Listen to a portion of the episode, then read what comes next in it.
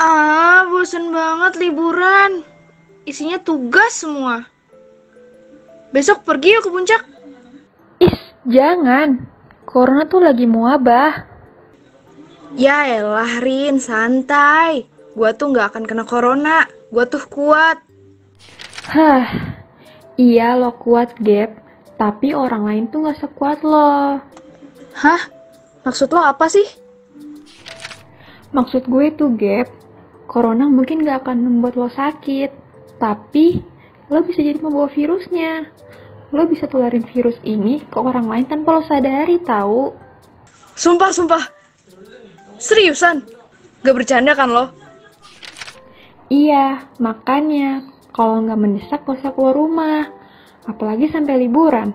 Duh, jangan deh. Mendingan lo stay at home aja. Karena itu cara terbaik dari kita untuk menolong orang lain.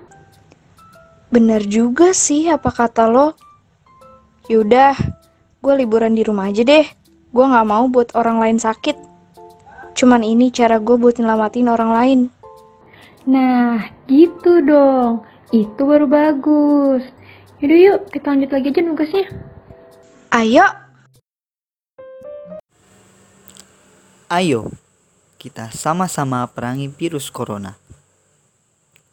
Ikuti gerakan stay at home dengan mengganti kegiatan hari-hari kita dengan cara berdiam diri di rumah. Karena tanpa kita sadari, langkah kecil kita bisa menyelamatkan kita dari bahaya virus corona.